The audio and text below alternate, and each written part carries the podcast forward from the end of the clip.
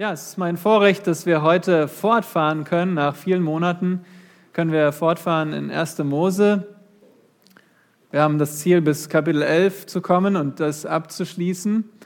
Und mit dieser Predigt sind es noch drei Predigten, also ist das Ziel in Sichtweite, so Gott will, dann am 4. Dezember der vorletzte Teil und dann sind wir auch schon angelangt dieses gesamte Bühnenbild der Welterlösung zu sehen.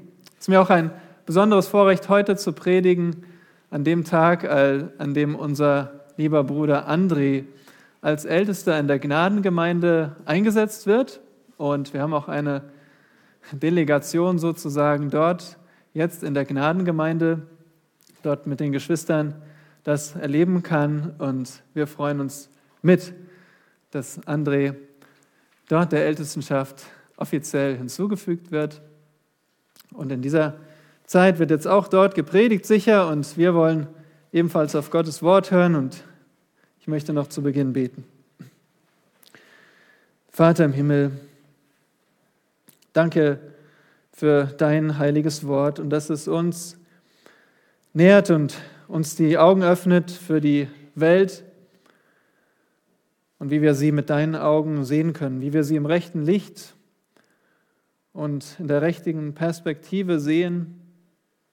Diese Welt braucht dein Wort, braucht Zeugen Jesu Christi, Männer und Frauen, die dein Wort verkündigen und danach leben.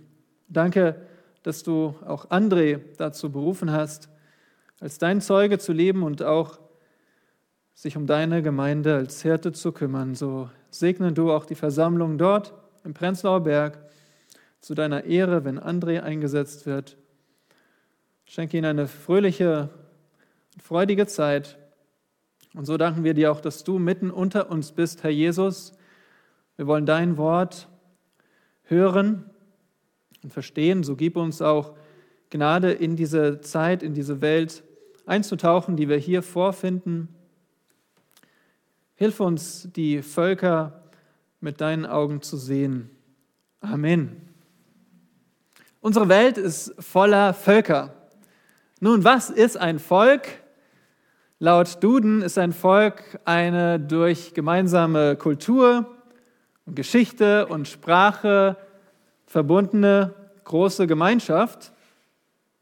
Ein englisches Wörterbuch sagt es ähnlich, also ein Volk, das wird zusammengehalten durch eine Regierung hat dieselbe Sprache, dieselbe Blutsverwandtschaft und dieselbe Kultur. Einfach gesagt, da gibt es eine Gruppe von Menschen, die haben vieles gemeinsam und die grenzen sich aber irgendwie von anderen Menschen ab. Was schätzt ihr, wie viele sogenannte Volksgruppen es in dieser Welt gibt? Nun, die Missionsgesellschaft Ethnos 360 die schreibt auf ihrer Webseite, weltweit gibt es 10.206 Volksgruppen. Über 10.000. Eine andere äh, Missionsgesellschaft sagt sogar 17.409. Also so genau wissen wir es gar nicht, aber es sind sehr viele.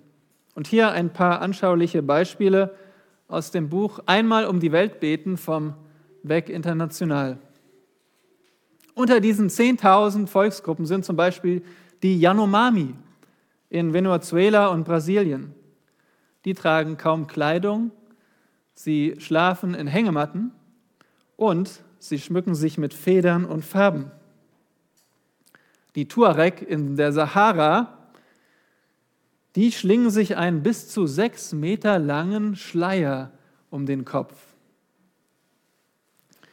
die San in der Kalahari-Wüste, also auch in Afrika, die essen am liebsten Bienenlarven. Das ist deren Delikatesse für die Ältesten vorbehalten. Bei den Minangkabau in Indonesien und Malaysia, da sind zwar die Männer die Clan-Chefs, aber nur die Frauen besitzen Felder und Häuser. Interessant, die Drusen im Nahen Osten, die erzählen niemanden von den Geheimnissen ihrer Religion. Und ein weiteres Beispiel, die Iomien in Asien, die bauen große Häuser, so groß, dass Eltern, Kinder, Enkel, Onkel, Tanten und Cousins und Cousinen, die wohnen alle unter einem Dach. Das waren nur ein paar Beispiele und wir sehen, es gibt Volksgruppen in der Welt und die können so unterschiedlich sein. Aber was haben wir mit diesen Völkern zu tun? Nun, offensichtlich leben die Völker mitten unter uns. Die Stadt Berlin preist sich als multikulturelles Zentrum. Und in dieser Stadt leben etwa Menschen aus etwa 170 Nationen. Wir leben in einer Welt voller Völker. Und wie denken wir jetzt richtig über die Völker fern und nah? Als Christen sind wir Gottes Volk. So sagt Petrus in 1. Petrus 2, Vers 10. Und die Frage, die wir uns heute Nachmittag stellen, ist, wie orientiert sich Gottes Volk richtig in einer Welt voller Völker?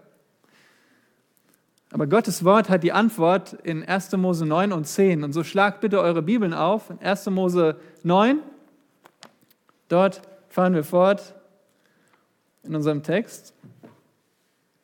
Und wir betrachten heute ganz anschaulich Gottes Völkerkarte. Und dazu lesen wir jetzt Kapitel 9, Vers 18 bis 10, Vers 32. Lese nach der Schlachter 2000. Gottes Wort sagt, die Söhne Noahs aber, welche die Arche verließen, waren Sem, Ham und Japhet. Und Ham ist der Vater Kanaans. Von diesen drei Söhnen Noahs wurde die ganze Erde bevölkert. Noah aber wurde nun ein Landmann und legte einen Weinberg an.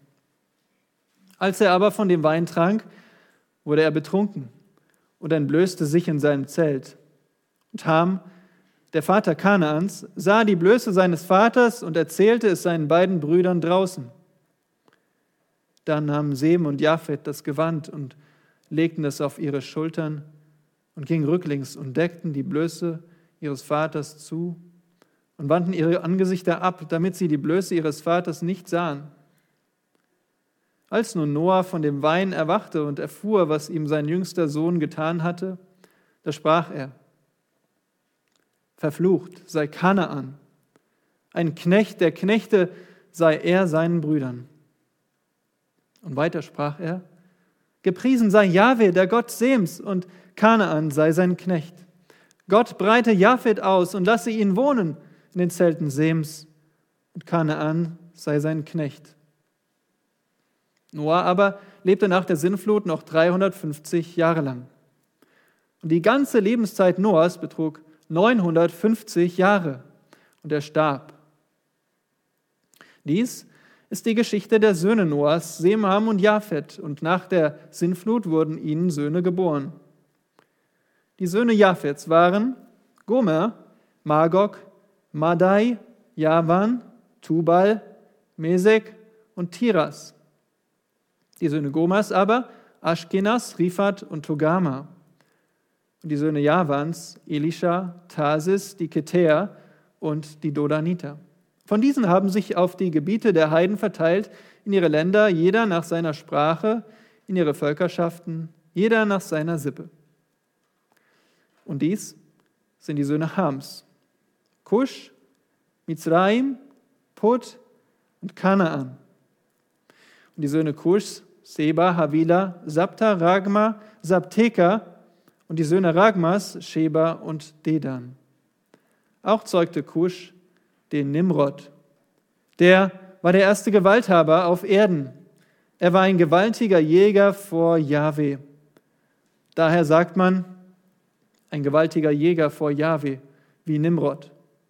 Und der Anfang seines Königreichs war Babel, sowie Erek, Akkad und Kalne im Land Sinea. Von diesem Land zog er aus nach Assur und baute Ninive, Rechoboth, Ir und Kela. Dazu Resen zwischen Ninive und Kela. Das ist die große Stadt. Mitzrayim aber zeugte die Luditer, die Anamiter, die Lehabiter und die Naphtuchiter, auch die Patrusiter und die Kasluchiter, von denen die Philister ausgegangen sind, und die Kaftoriter. Kanaan aber zeugte Zidon, seinen Erstgeborenen, und Het, auch den Jebusiter, den Amoriter und den Girgasiter und den Heviter, den Arkiter und den Siniter und den Avaditer, den Zemariter und den Hamathiter. Und danach breiteten sich die Sippen der Kanaaniter aus.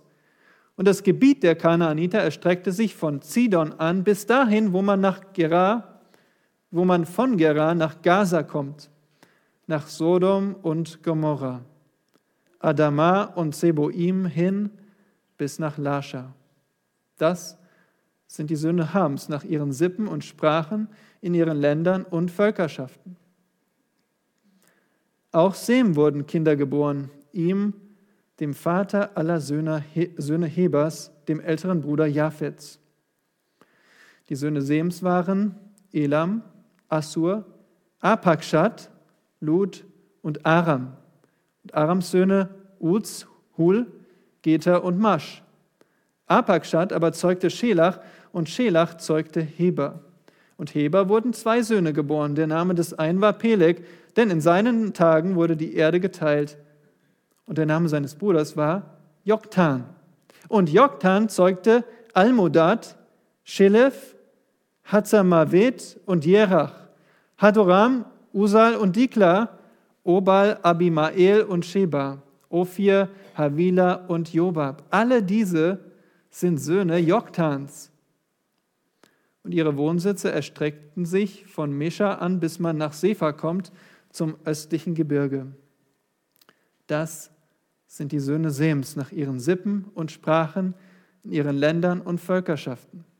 Das sind die Sippen der Söhne Noahs nach ihrer Abstammung, in ihren Völkern. Und von ihnen haben sich nach der Sintflut die Völker auf die Erde verteilt. Soweit das Wort Gottes. Und was, was machen wir mit diesem Text? Das habe ich mich auch gefragt, aber die Antwort ist eigentlich sehr einfach. Wir beobachten, erklären und wenden an. Genau wie bei jedem anderen Text. Lasst uns das gemeinsam tun und vergesst dabei nicht, dass dieser Text ursprünglich den Israeliten verkündet wurde, als sie im Zeltlager waren auf dem Weg in das Land Kanaan. Und Gott gab ihnen mit diesem Text eine Völkerkarte von den Völkern, die um sie herum lebten, damit sie sich orientieren. Genauso für uns. Wir leben ebenfalls in einer Welt voller Völker. Damit wir uns richtig orientieren, gibt uns Gott diesen Text beobachten wir also heute gemeinsam drei Merkmale von Gottes Völkerkarte, damit Gottes Volk sich richtig orientiert. Nun, was ist das erste Merkmal der Völkerkarte? Das ist einfach der Nullpunkt. Alle von einem Mann. Alle von einem Mann. Nun, eine Karte jede Karte mit Koordinaten hat einen Nullpunkt.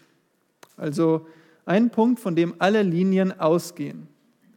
Und so stellen wir uns jetzt Gottes Völkerkarte vor und fragen uns, woher entspringen alle Völker unserer Karte? Nun, sie entspringen alle in einem Mann, nämlich Noah. Nun, wo befinden wir uns gerade hier im ersten Buch Mose? Wir sind in, am Ende der Geschichte Noahs am Ende der Geschichte Noahs. Und das erste Buch Mose hat zwölf Teile. Eine Einleitung und dann elf Teile, elf Geschichten. Die nennt man Toledots. Das bedeutet so viel wie Stammbaum und Geschichte. Also diese Teile haben einen Stammbaum, die verfolgen eine ganz bestimmte Nachkommenslinie, nämlich die Linie von dem Mann, der uns alle erlösen wird, der Same der Frau, den suchen wir. Und außerdem gibt es Geschichte, also was aus einer bestimmten Person wurde. Wir schauen uns gerade an, was aus Noah wurde. Und diese Geschichte hat in Kapitel 6 begonnen. Und ihr erinnert euch, Noah, der war von Gott begnadigt worden. Er fand Gnade bei Gott und er lebte mit Gott. Noah hörte auf die Reden Gottes, und er baute eine Arche. Noah glaubte an Gottes Rettung vor dem Gericht und dieses Gericht kam in Form der Sintflut über alle Bosheit der Erde. Noah ging in die Arche, in dieses Rettungsschiff, als Gott das Signal gab. Und seine Familie, die folgte ihm. Sogar Tierpaare aller Art, die folgten ihm in die Arche. Und so lebte Noah in der Arche ein ganzes Jahr lang, während außerhalb der Arche die Wassergewalten losbrachen. Und Noah schwamm in dem Boot auf dem Wasser, während unter ihm alle Lebewesen und Menschen auf dieser Erde umkamen. Noah wartet und hart aus, bis Gott sein Versprechen wahrmacht. Und Noah, Noah spürt die Erschütterung von dem Schiff, als es auf den Grund läuft, auf den Ararat. Noah sendet Vögel aus, um herauszufinden, wie trocken ist die Erde jetzt mittlerweile. Und, und Noah, Noah hört Gottes Stimme, die endlich befiehlt, geh aus der Arche. Nun, Bisher haben wir noch kein einziges Wort von Noah gelesen. Kein einziges. Aber seine Taten sprechen lauter als jedes Wort. Noah drückt aus durch seine Taten, dass er Gott gehorcht. Er machte alles genauso, wie Jahwe es befohlen hatte. Noah betritt die neue Erde und er baut unaufgefordert einen Altar, um Gott anzubeten. Und damit drückt er aus, Gott, du bist gerecht und ich bin schuldig, ich verdiene den Tod genau wie alle, die gestorben sind. Aber Gott, ich danke dir für deine Gnade, für deine Erlösung. Und schließlich hört Noah zu, wie Gott seine Familie segnet und befiehlt, seid fruchtbar und erfüllt die Erde. Noah erlebt, wie Gott seinen Bund mit allen Lebewesen aufrichtet und das so deutlich macht durch den, durch den Regenbogen am Himmel. Das ist das Zeichen, dass Gott sich immer an sein Versprechen erinnert. Und jetzt, jetzt fragen wir uns, wie geht es mit Noah weiter? Und das sehen wir hier an dieser Stelle in unserem Text. Nun, in unserem Text richtet jetzt Gott den ähm, Fokus auf die Söhne Noahs. Seht ihr in 9 Vers 18, wie heißen seine drei Söhne? Sem, Ham und Japhet. Und was lesen wir hier über sie? Sie verließen die Arche. Nun, was ist da Besonderes dran? Sie verließen die Arche. Wir wissen nicht wie, aber dauerte wahrscheinlich nicht so lange, vielleicht ein paar Minuten, dann waren sie aus der Arche draußen. Nun, das kann sein, aber es ist von großer Bedeutung. Sie verließen die Arche. Es gab keine andere Arche. Versteht ihr? Alles sonst war umgekommen. Alle Menschen waren tot. Sie verließen die Arche und sie waren die einzige Hoffnung für die Menschheit. Sem, Ham und Japhet. Auf, auf diesen drei Söhnen ruhte die Hoffnung der Menschheit. Und in Vers 19 lesen wir, von diesen drei Söhnen wurde die ganze Erde bevölkert. Die ganze Erde bevölkert. Und hier werden ganze Jahrhunderte zusammengefasst. Nun, drei Familien sind noch keine Völker, oder? Nein. Aber diese drei Söhne und ihre Frauen, die hatten Kinder. Und diese Kinder hatten wieder Kinder und Kinder hatten Kinder. Und so wuchs die Bevölkerung und die ganze Erde wurde bevölkert, sagt der Text. Das ist doch ganz natürlich, oder? Ich meine, erlebt man doch überall. Nein, das ist nicht ganz natürlich. Das liegt an dem Segen Gottes. In Kapitel 9, Vers 1 sagte Gott, Gott segnete Noah und seine Söhne und sprach zu ihnen, seid fruchtbar und mehrt euch und erfüllt die Erde. Das ist der Grund. Sonst wären, wären die Menschen nicht so, sich, hätten sich nicht vermehren können. Es war Gottes Segen, der sie befähigt hat, der es ihnen geschenkt hat, sich wieder zu vermehren, obwohl sie nicht besser geworden waren im Herzen. Und jetzt achtet mal auf Kapitel 10, Vers 32. Was steht da? 10, Vers 32. Hier sehen wir, das sind die Sippen der Söhne Noahs nach ihrer Abstammung in ihren Völkern. Also hier lernen wir, wie das vonstatten ging. Aus Sem, Ham und Japhet kamen Sippen. Das bedeutet so viel wie ja, größere Gruppen, die durch ihre Verwandtschaft, ihre Blutsverwandtschaft zusammengehörten. Und aus diesen Sippen kamen schließlich ganze Völker. Hier in Vers 32 das von ihnen, seht ihr das im Schlachtertext, und von ihnen haben sich die Völker verteilt. Das von ihnen bezieht sich auf die Sippen.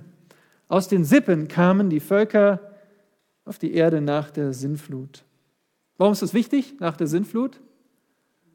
Gab es denn eine zweite Sinnflut? Nein. Also leben wir noch in derselben Welt, in der schon die Söhne Noahs sich vermehrt haben. Das ist unsere Welt. Eine Welt voller Völker.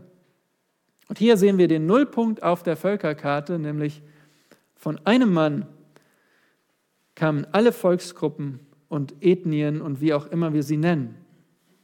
Wir kommen nicht vom Affe, sondern von Japhet. Wir kommen nicht von, vom Schimpansen, sondern von den Söhnen Hamsem. Und schon haben wir die erste Lektion verstanden. War gar nicht so schwer, oder? Wir kommen alle von einem Mann. Nun, was hat es für uns für eine Bedeutung? Nun, ein Wort, was, was dem Eindruck nach in aller Munde ist, ist Rassismus. Ja, schon mal gehört? hören wir immer wieder. Sportler geben Statements, knien nieder und Politiker halten Reden und die Menschen demonstrieren. Keiner soll beispielsweise wegen seiner Hautfarbe verachtet und benachteiligt werden. Und das haben die Menschen richtig erkannt. Das soll nicht geschehen. Aber dennoch steht allein schon der Begriff Rassismus auf sehr fragwürdiger Grundlage. Warum? Nun, Rassismus setzt voraus, dass es unterschiedliche Rassen gibt. Und diese angeblichen Rassen werden unterschieden nach körperlichen Merkmalen, wie zum Beispiel Hautfarbe oder die Form der Augen. Wir fragen uns an dieser Stelle, stimmt das denn? Gibt es unterschiedliche Menschenrassen? Und die Antwort finden wir in unserem Text. Wir kommen alle von einem Mann. Von Noah und von Noah haben sich Sippen, also Familiengemeinschaften und schließlich Völker verteilt. Und so gibt es keine Rassen. Wenn, dann gibt es nur eine Rasse, die Rasse Mensch. Ken Ham und die Co-Autoren schreiben in dem Buch Fragen an den Anfang, könnt ihr kaufen, könnt ihr kostenlos runterladen bei CLV. Sie schreiben dort, Zitat, die DNS, also die, der genetische Code von zwei beliebigen Menschen auf der Welt, unterscheidet sich im Durchschnitt um 0,2 Prozent. Und von diesen 0,2 Prozent sind nur 6 Prozent haben überhaupt ein, mit Hautfarbe, Augenform und so zu tun. Also der Gene nach sind wir alle eine Menschheit. Wir unterscheiden uns kaum in unseren Genen. Und wisst ihr was? Auch der Hautfarbe nach sind wir eine Menschheit. Auch der Hautfarbe nach. Warum? Wir alle haben Hautfarbe. Wir alle haben dasselbe Farbpigment Melanin. Nun, das Melanin schützt uns vor der UV-Strahlung. Das ist gut. Produzierst du viel Melanin, dann wird deine Haut dunkler. Produzierst du weniger Melanin, dann ist deine Haut heller. Ist also beispielsweise so, wie wenn du dir vorstellst, du hast ein Blatt Papier und einen Bleistift. Jetzt kannst du ganz fein malen, dann ist es vielleicht so ein helles Grau. Du kannst immer dicker aufdrücken, es wird immer dunkler. So ist es mit unserer Haut. Mehr Melanin, dunkler, weniger Melanin, heller. Nun, und das hast du selbst auch schon beobachtet, dass deine Haut mal heller und mal dunkler ist. Ja? So, manche gehen auch ins Bräunungsstudio und dann wird es auf einmal dunkler und man findet das dann schön.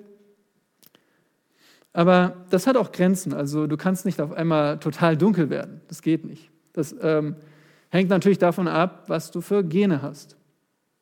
Also wie viel du produzieren kannst, ist in deinen Genen festgelegt. Also gibt es doch vielleicht doch da genetische Unterschiede.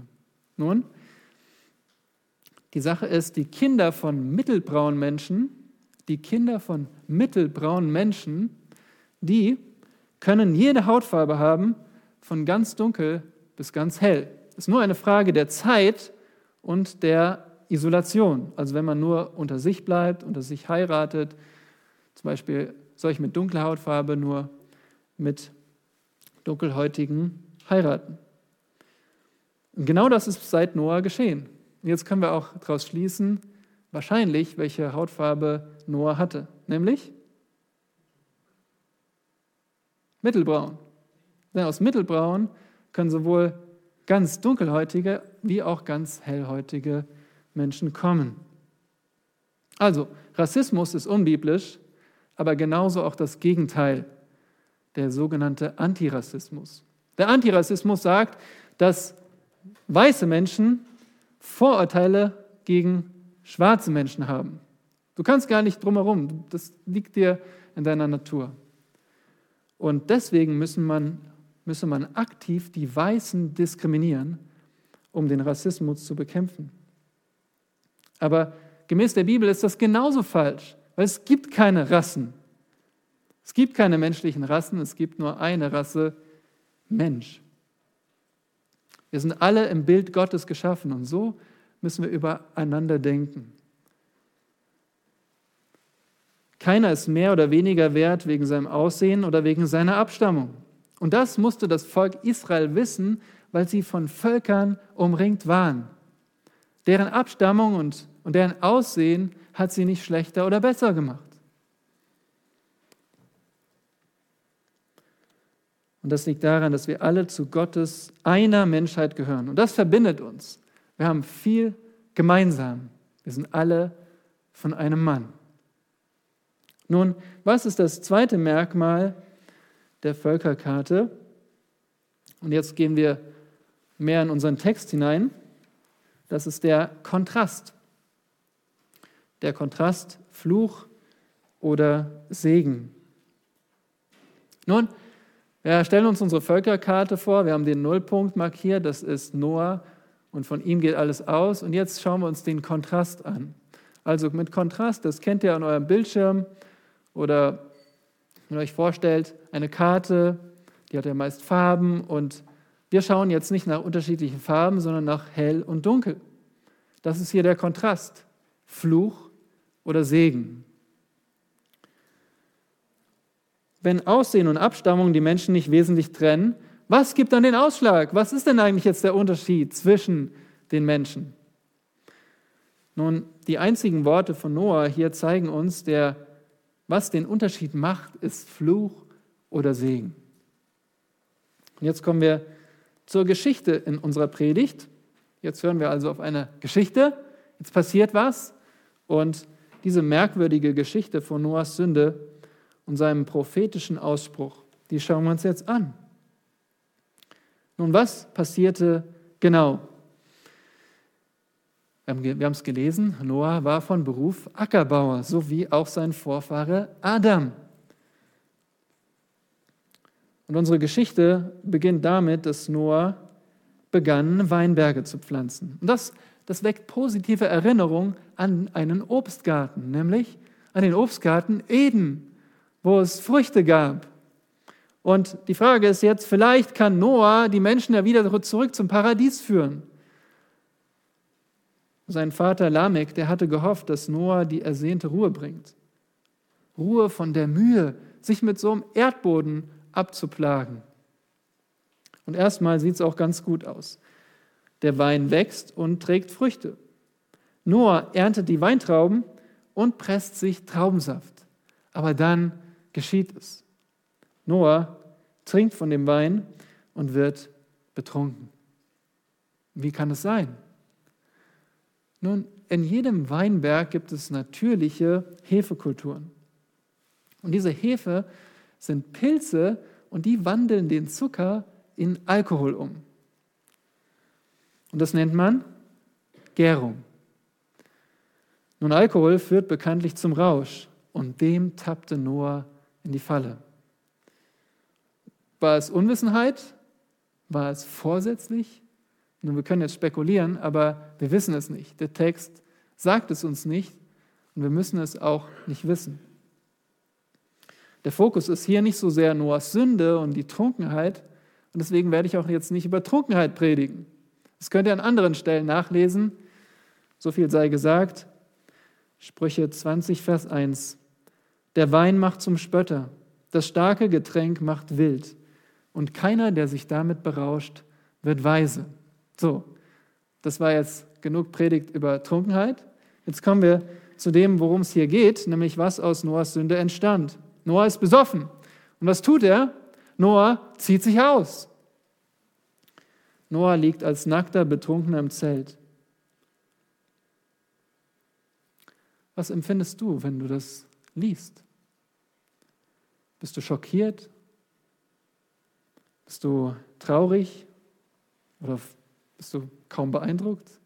Was ist da schon dabei? Nun, mit dem Wort Blöße setzt der Autor hier eine Erinnerung in Gang. Wo hast du schon mal von Blöße gelesen? Wo kommt Nacktheit vor? 1. Mose 3, Vers 7. Da wurden ihnen, Adam und Eva, die Augen geöffnet und sie erkannten, dass sie nackt waren. Und sie banden sich Feigenblätter um und machten sich Schurze. Adam und Eva schämten sich für ihre Nacktheit wegen ihrer Schuld vor Gott. Und seitdem ist Nacktheit mit Schuld verknüpft, mit gesunder Scham. Und der betrunkene Noah verliert diese Scham und er liegt splitternackt in seinem Zelt. Und das ist deswegen schockierend, weil Noah hier sehr beschämt wird. Gleichzeitig beweist es uns auch, dass Noah, dass Noah kein vollkommener Mensch war. Er war ein Sünder wie du und ich. Er war nicht der Erlöser. Wie reagieren nun seine drei Söhne auf seine Sünde? Als erstes bekommt es Ham mit. Und Ham er sah, sagt der Text, die Blöße, er sah die Blöße seines Vaters. Das Wort Blöße bedeutet sein Geschlecht. Er sah sein Geschlecht. Und was tut Ham? Er geht zu seinen Brüdern und erzählt es ihnen. Das Wort bedeutet informieren, mitteilen. Es kann auch verkünden bedeuten. Ham verkündet es seinen Brüdern und wie reagieren jetzt Sem und Japhet? Nun, hier steht, Sem und Japhet nahmen das Gewand. Ja, sie nahmen ein Gewand und sie gehen zum Zelt und sie drehen sich um, haben das Gewand über ihren Schultern und gehen langsam rückwärts. Und als sie dann bei seinem Vater sind, legen sie das Gewand auf ihn und der Text sagt, sie sahen seine Blöße nicht. Sie sahen sein Geschlecht nicht. Interessant ist dabei das Wort bedecken. Sie deckten die Blöße ihres Vaters zu. Dieses Wort bedecken kennen wir auch aus 1. Mose 3, Vers 21. Wer ist es da, der die Blöße bedeckt? In 3, Vers 21 heißt es, und Gott, Jahwe, machte Adam und Eva, Adam und seiner Frau Kleider aus Fell und bekleidete sie, er bedeckte sie. Gott ist es, der die Blöße bedeckt und Sem und Japhet handeln hier wie Gott. Nun, Vers 24. Noah erwachte. Noah hat seinen Rausch ausgeschlafen und er ist wieder klar im Kopf.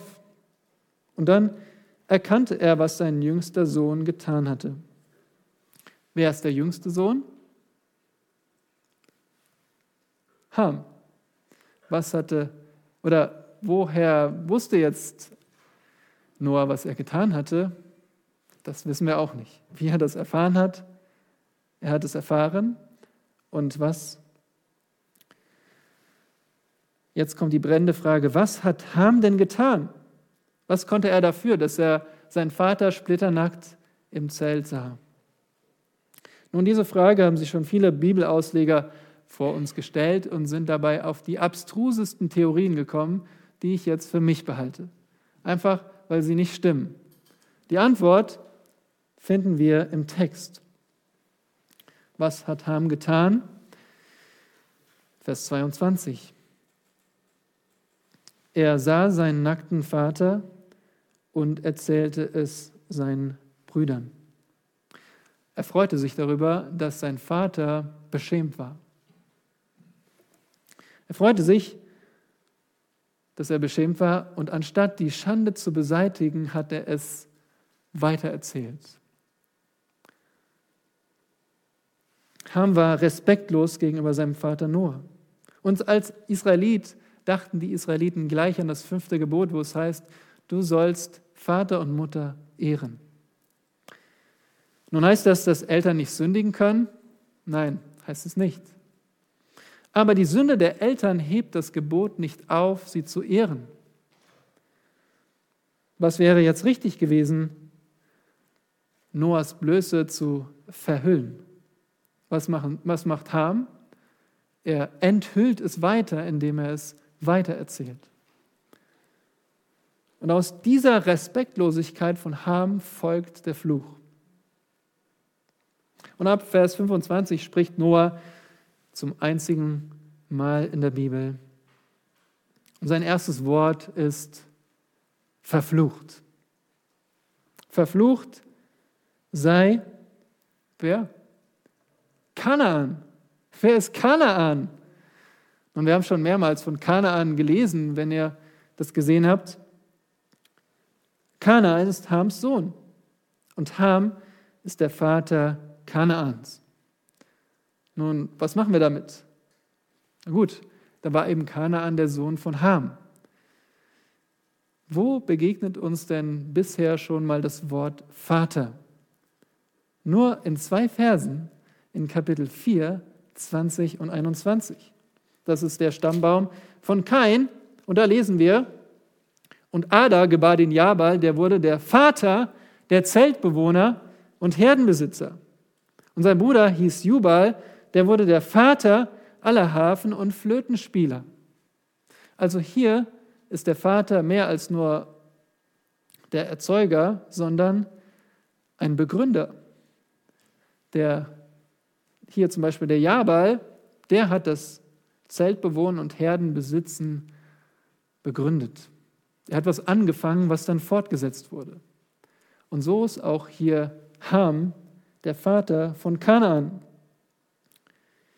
In anderen Worten, der Apfel Kanaan fiel nicht weit vom Ham.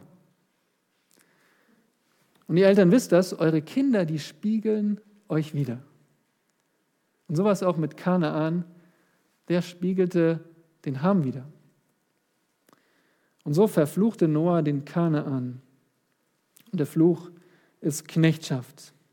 Nicht nur Knechtschaft, sondern hier heißt es ein Knecht der Knechte, also die niedrigste Knechtschaft für Kanaan. Aber in Vers 26 spricht Noah noch einmal und er sagt, gepriesen. Und das Wort, was hier steht, ist wörtlich gesegnet. Gesegnet. Wer ist gesegnet? Nein, nicht Sem. Gesegnet sei Yahweh, der Gott Sems. Und das erinnert uns an dieses wichtige Wort Segen. In 1. Mose dreht sich alles um Segen und Fluch. Es geht um den Segen. An Gottes Segen ist alles gelegen. Und hier sehen wir wieder den Segen. Mit dem hat alles begonnen in der Schöpfung und der ging verloren durch die Sünde. Aber hier gibt es einen Lichtblick. Gesegnet ist Yahweh, der Gott Sems. Also der Segen ruht nicht automatisch auf Sem. Noah sagt nicht, gesegnet sei Sem, egal was kommt. Nein, Sem ist nur so weit gesegnet, wie er mit Gott verknüpft und verbunden ist. Versteht ihr? Durch die Beziehung mit Yahweh ist Sem gesegnet. Nur wer mit Yahweh verbunden ist, der ist gesegnet. Und das forderte die Israeliten genauso heraus wie uns heute. Welche Beziehung hast du zu Gott? Ist Yahweh dein Gott? Und um das zu beantworten, musst du wissen, wie wir in Beziehung zu Gott kommen können. Wie können wir denn in Beziehung zu Gott kommen? Wir brauchen einen Mittler. Und Gott hat diesen Mittler geschickt vor 2000 Jahren. Ein Mann, der zwischen Gott und den Menschen steht. Und dieser Jahwe ist Mensch geworden in Jesus. Jesus bekräftigte das, wenn er sagte, ich bin. Ich bin bedeutet Jahwe. Und als gerechter und sündloser Mittler starb Jesus stellvertretend am Kreuz und trug den Fluch über unsere Sünde. Und dann ist er auferstanden und nach seiner Auferstehung sagt Jesus die Bedingung des Segens. Wer ist gesegnet? In Johannes 20, Vers 29 sagt er das. Die Stelle, wo er auch äh, den Jüngern erscheint und er sagt, Glückselig sind, die nicht sehen und doch glauben. Gesegnet bist du, wenn du nicht siehst und doch glaubst. Was musst du glauben? Vers 28. Zu Jesus sagen, mein Herr und mein Gott. Und wenn du an Jesus als den Herrn und Gott glaubst, dann sieht dein Leben so aus, wie Jesus es sagt in Lukas 11, Vers 28. Glückselig, also gesegnet sind vielmehr die, die Gottes Wort hören und es bewahren. Das, darin liegt der Segen. Gottes Wort hören und bewahren.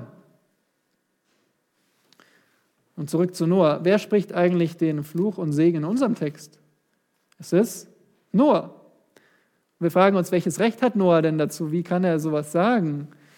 Und Noah ist auch nur ein Mensch und seine Autorität ist Gott allein. Und darum formuliert Noah diesen Fluch und den Segen als eine Bitte an Gott. Es liegt an Gott, ob er jetzt Fluch oder Segen schenkt oder schickt. Aber jetzt denkt wieder daran, wem das Buch gegeben wurde, nämlich Volk Israel. Nach vielen Jahren. Und sie konnten sehen, wie Noah als richtiger Prophet bestätigt wurde. Als Hebräer stammten die, das Volk Israel von wem ab? Von Sem. Und sie waren auf dem Weg nach Kanaan, wo die Nachkommen vom verfluchten Kanaan wohnten. Und auch diese Kanaaniter hatten viel mit sündiger Blöße zu tun. Erinnert ihr euch, vor ein paar Monaten haben wir hier von der Kanzel 3. Mose 18 gelesen. In diesem 3. Mose 18 kommt 24 Mal das Wort Blöße vor. Da wird, und jetzt wisst ihr, das Wort Blöße bedeutet Geschlecht.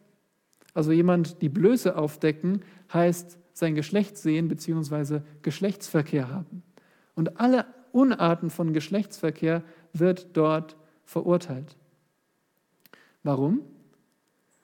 Ihr könnt es nachlesen in 3. Mose 18. All diese Dinge taten die Kananiter. Versteht ihr? Das, was mit Ham begann, sich über seinen Vater lustig zu machen oder ihn zu verachten, als er nackt im Zelt lag, das brachte die volle, äh, das volle Unkraut hervor zur Zeit der Israeliten, als sie in allen Unarten von sexueller Sünde lebten.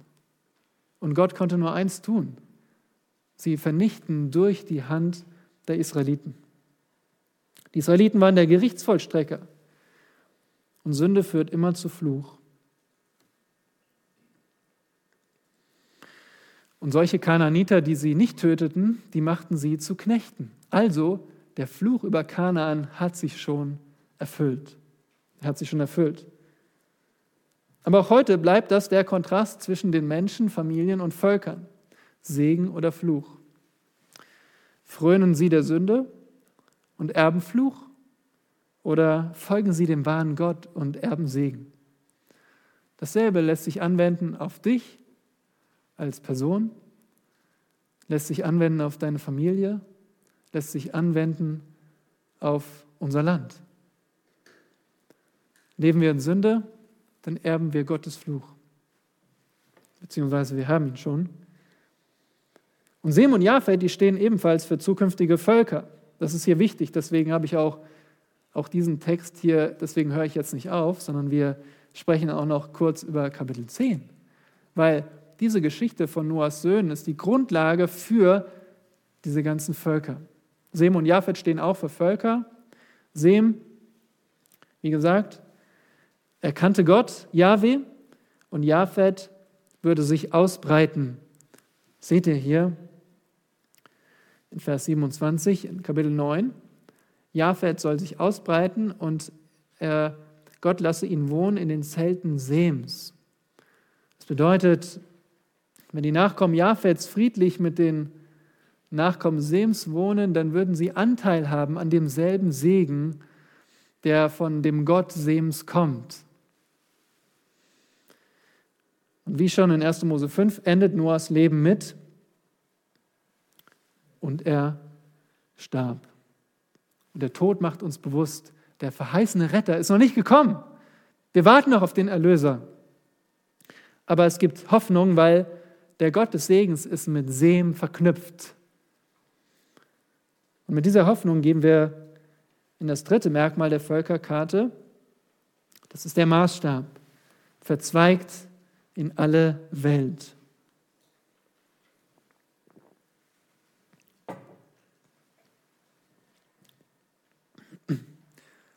Jede Karte hat einen Maßstab. Habt ihr es schon mal gesehen? So einen Maßstab, wo dann steht eben meist so weiß-schwarz, weiß und schwarze Striche, die anzeigen eben, was entspricht hier was, wie viel Zentimeter entsprechen wie viel in der Wirklichkeit. Ein großer Maßstab heißt, ich kann viele Details sehen. Meist ist der Ausschnitt dann nicht so groß von dem Gebiet, aber ich kann viele Details sehen. Ein kleiner Maßstab heißt, ich kann nicht so viele Details sehen, aber meine Karte umfasst ein wesentlich größeres Gebiet. Und so eine Karte haben wir hier in Kapitel 10. Eine mit einem kleinen Maßstab, was bedeutet, wir sehen ein großes Gebiet, aber nicht so viele Details. Und ganz vertraut beginnt hier ein neuer Abschnitt in 1. Mose, Kapitel 10, mit Dies ist die Geschichte, ein weiteres Toledot. Dies ist die Geschichte der Söhne Noahs. Und diesmal ist es weniger Geschichte, sondern mehr Stammbaum. Habt ihr gesehen, oder? Eine, äh, weniger Geschichte, die hier passiert. Der Stammbaum der Söhne Noahs. Und wie hießen die nochmal? Hem, Ham und Japhet. Genau. Also beginnt der Stammbaum mit Sem. Nein, falsch. Er beginnt mit Japhet. Warum denn Japhet? Nun, dieser Stammbaum ist nach Wichtigkeit sortiert und Japhet ist am wenigsten wichtig hier in diesem Kontext für die Israeliten. Gemäß Vers 21 war Japhet wahrscheinlich der mittlere Bruder und für die weitere Geschichte ist Japhet weniger bedeutsam. Umso wichtiger aber Ham und Sem. Nun, wie finden wir uns jetzt auf dieser Karte zurecht? Hier gibt es so viel zu entdecken und wir fokussieren uns nur auf das Wesentliche. Und diese Völker beginnen mit drei Ästen entsprechenden Söhnen Noahs. Seht ihr das? Dieser Stammbaum ist geteilt in drei Teile. Vers 2, die Söhne Japhets. Vers 6, die Söhne Hams.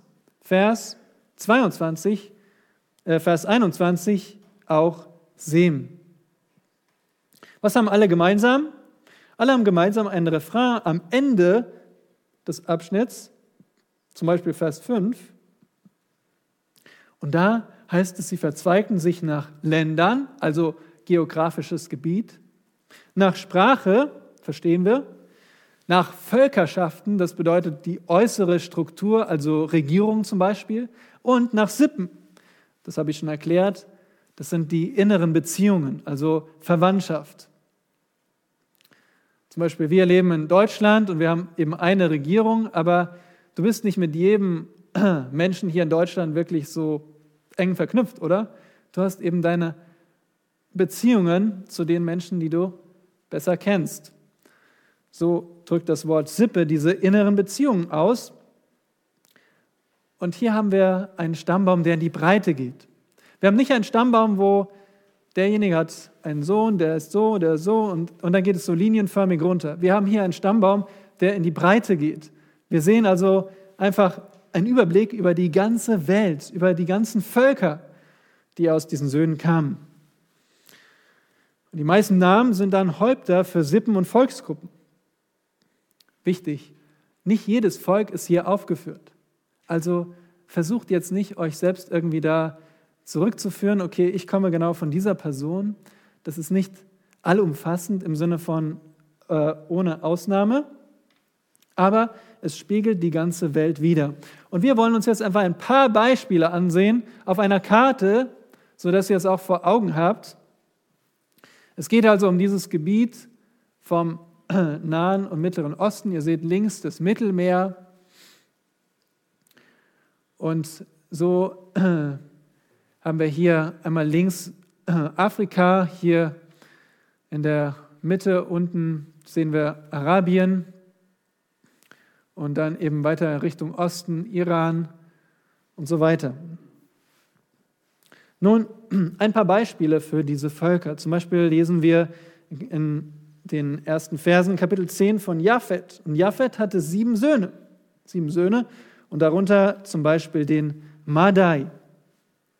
Madai ist der hebräische Begriff für Meda, die Meder, die im Gebiet des heutigen Iran leben. Oder da, die lebten damals in dem Gebiet, was heute Iran ist, im Nordwesten des Iran. Für, für jetzt aus unserer Sicht ist das eher Richtung Osten von dem Land der Kananiter. Japhet hatte auch einen weiteren Sohn, seht ihr in Vers 2, der hieß Javan. Das ist ganz interessant, dieser Begriff Javan taucht auch in der Bibel auf, zum Beispiel in Joel 4, Vers 6 heißt es in eurer Schlachterbibel, und ihr habt die Söhne Judas und die Söhne Jerusalems an die Söhne der Griechen verkauft. Da wird einfach Griechen geschrieben, das ist, da steht Javan. Also Javan ist der Begriff, der hebräische Begriff für die Griechen. Das heißt, wir wissen, die Griechen kommen von Japhet. Wir sehen auch die Nachkommen der, der Söhne Japhets. Und die Nachkommen Japhets, Vers 5, haben sich auf die Gebiete der Heiden verteilt. Nun, Gebiete, eigentlich wörtlich steht hier Inseln, auf die Inseln oder Küstengebiete der Heiden verteilt. Das heißt, diese Jaff, diese Söhne Japhets, das waren welche, die, die haben sich wirklich nach außen gestreckt. Die haben die Seefahrt äh, genutzt und sind in entlegene Gebiete gekommen. Ja, sehen wir schon hier, Javan ist ja am Mittelmeer, also Ägäisches Meer. Und so wissen wir also, die, die Söhne Japhets, die sind wahrscheinlich auch so Richtung Westen gegangen. Sie waren die Seefahrer an den Küstengebieten. Ab Vers 6 sehen wir die Söhne Hams. Die, wenn ihr es mal euch in der Bibel anschaut, das ist ein ziemlich langer Abschnitt über die Söhne Hams. Seht ihr das? Ab Vers 6 bis Vers 20, das sind, ist die Hälfte des Kapitels über die Söhne Hams.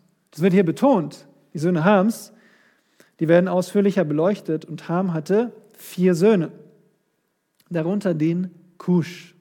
Nun, Kusch ist der hebräische Begriff für Nubien. Das ist der Nordsudan. Ihr seht es hier unten auf der Karte. Nordsudan und Äthiopien. Auf unserer Karte also im Süden. Wir haben also schon Osten, Madai zum Beispiel. Und das sind nur Beispiele hier. Wir haben Javan im Westen, wir haben Kusch im Süden. Ham hatte auch einen Sohn mit Namen Mizraim. Das ist hebräisch für Ägypten. Eigentlich Ägyptens, also mehrere Ägypten, weil es gab Ober- und Unterägypten. Mitzrayim, Ägypten.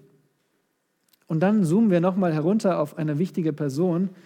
Das seht ihr hier in Vers 8, den Nimrod. Nimrod stammte von Kusch ab also hier, ihr seht es auf der Karte, südlich. Aber Nimrod, der war ein fähiger Jäger. Ja, damals hat man gejagt und dafür brauchte man, also das hat man nicht am Schreibtisch gemacht, gell? sondern gejagt, da musste, braucht man Kraft, da braucht man Schnelligkeit, Fertigkeit, Waffen. Und dieser Nimrod war ein fähiger Jäger. Und er hat diese Kenntnisse auch angewandt auf Menschen. Ja? Er hat auch Menschen gejagt und wurde ein Krieger. Er führte erfolgreich Krieg und er geht als erster Reichsgründer in die Geschichte ein. Ja?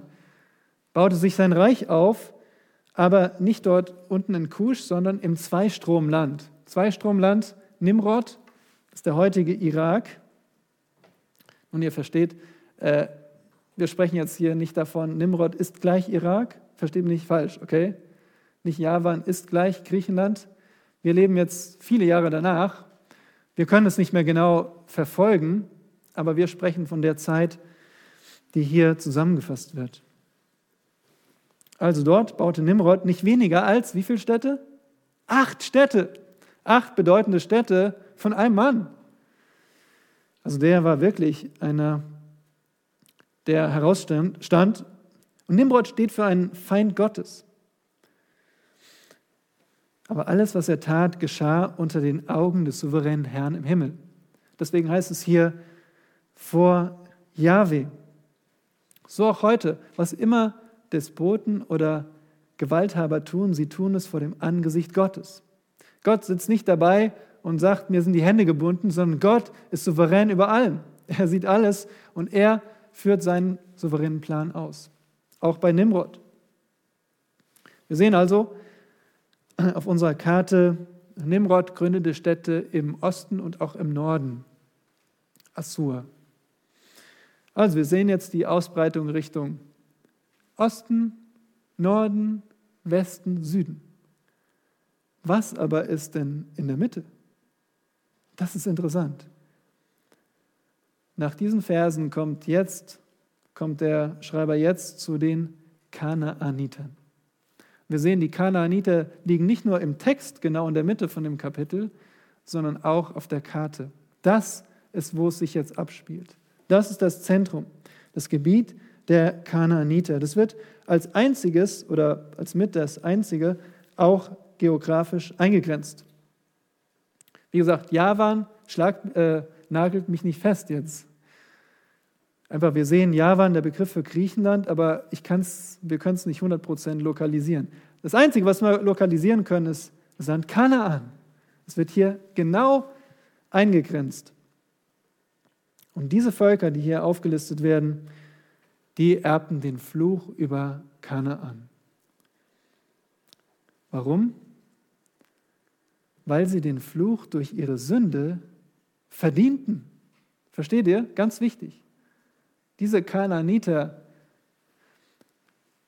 die handelten schon seit Jahrhunderten gottlos, seit der, seit der Zeit von Abraham. 400 Jahre lang mindestens. Sie hatten diesen Fluch geerbt, aber auch verdient. Und schließlich kommen wir zum Höhepunkt, nämlich zu den Nachkommen Sems.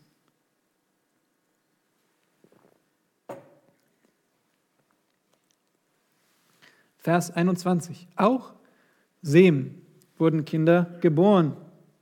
Sem verehrte Jahwe als sein Gott und Sem war Segen verheißen. Auch von ihm kommen verschiedene Völker, wie zum Beispiel Beispiele nur.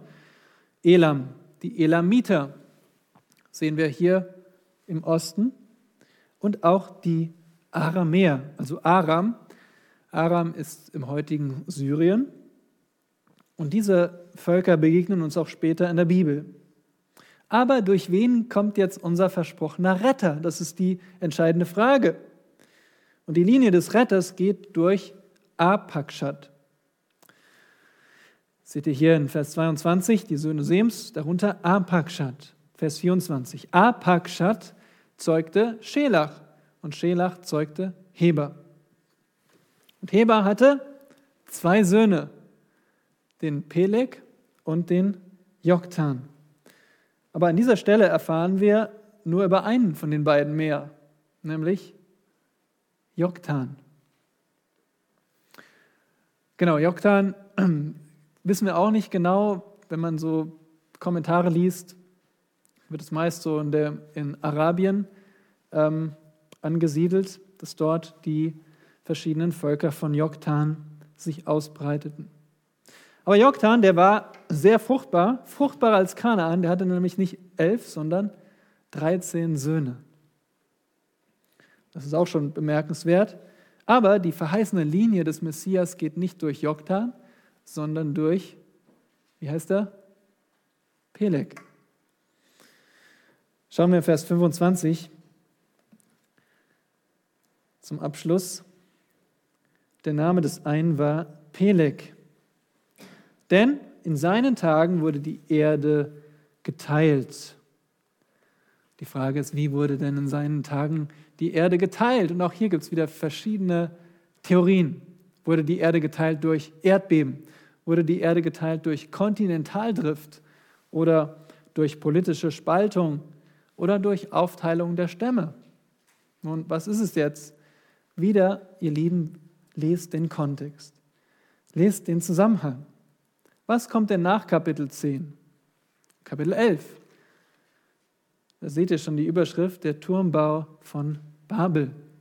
Zu dieser Zeit wurde die Erde geteilt durch die Sprachverwirrung. Sie wurde geteilt, Gott tat es. Gott verwirrte die Sprachen. Und hier erfahren wir, dass das in der Zeit von Peleg war. Aber warum wird das hier nicht näher ausgeführt? Warum steht hier nur, in seinen Tagen wurde die Erde geteilt, ohne weiteren Kommentar? Und das hat seinen Grund. Und wir müssen uns als Bibelleser immer fragen, warum ist das so? Und hier kommen wir jetzt zu dem finalen Punkt, den ihr alle verstehen, mitnehmen müsst. Nun, stellt euch vor, wir lesen zuerst von der Rebellion der Menschen und dass Gott ihre Sprachen verwirrt und daraus die ganzen Völker kommen. Wie denken wir dann über Völker? Negativ. Als Folge von der Rebellion. Als sozusagen Strafe von Gott. Und wir würden die Völker in einem negativen Licht sehen und uns fragen, warum gibt es nur so viele Sprachen? Warum gibt es so viele Völker? Warum gibt es so viele Volksgruppen? Warum können wir nicht ein Volk, eine Sprache haben und wir verkünden das Evangelium in derselben Sprache? Es ist viel einfacher, die Welt zu erreichen. Nein. Kapitel 10 kommt vor Kapitel 11. Und das zeigt uns, Israel ist ein Volk unter vielen Völkern. Und Gott wollte die Völker. Gott wollte, dass es Völker gibt. Er wollte diese Vielfalt der Völker. Und wir blicken nicht herab auf irgendein Volk. Und wir müssen auch nicht murren, dass es so viele Völker gibt, weil Gott mit uns ist, weil Gott diesen Plan und diese Mission hat, dass wir als Gemeinde in alle Völker gehen. Das ist unser Auftrag. Wir sitzen nicht da und sagen, warum gibt es das nur? Warum ist es so schwer? Warum gibt es so viele unerreichte Völker? Warum so viele Sprachen? Warum brauchen wir so viel Geld, um Missionare auszusenden? Nein, Gott will die Völker. Er wollte sie von Anfang an. Und das Volk Israel musste verstehen, sie sind nicht ein Volk, was besser ist. Sie sind nicht ein Volk, was mehr Wert hat. Das Volk Israel war begnadigt. Sie kannten den wahren, lebendigen Gott. Und sie hatten den Auftrag, für diese Völker auf der Karte ein Zeugnis für Jahwe zu sein. Und ihr Lieben, genau das ist unser Auftrag. Wir sind nicht ein ethnisches Volk, sondern wir sind eine Einheit aus allen Völkern, der Leib Jesu Christi. Wir haben einen König, den Herrn Jesus Christus. Und unser König gab uns den Auftrag, in alle Welt zu gehen und alle Nationen zu Jüngern zu machen. Warum? Die Antwort steht in Offenbarung 5, Vers 9.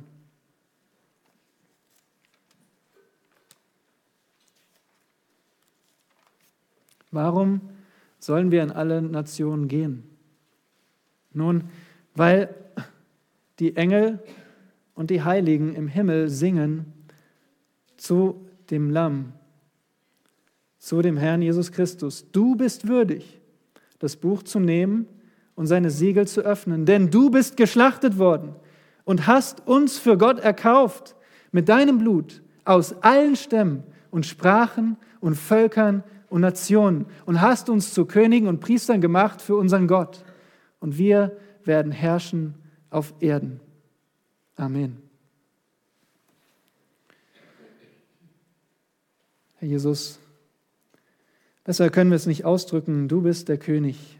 Und du bist der König, der sich selbst hingegeben hat mit seinem Blut für Menschen aus jeder Nation.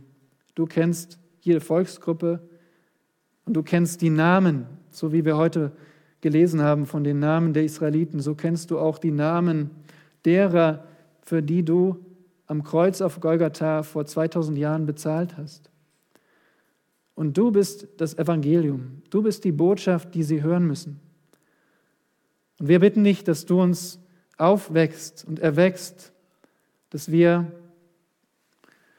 uns in dieser Völkerkarte orientieren, dass wir nicht auf uns beschränkt bleiben, sondern dass wir den Auftrag sehen, der alle Nationen umfasst. Bitte erwecke auch aus unserer Mitte solche, die auf der Grundlage von Beten und Geben auch gehen, bereit werden, zu den Nationen zu gehen, hier in dieser Stadt und auf der ganzen Welt. In Jesu Namen. Amen.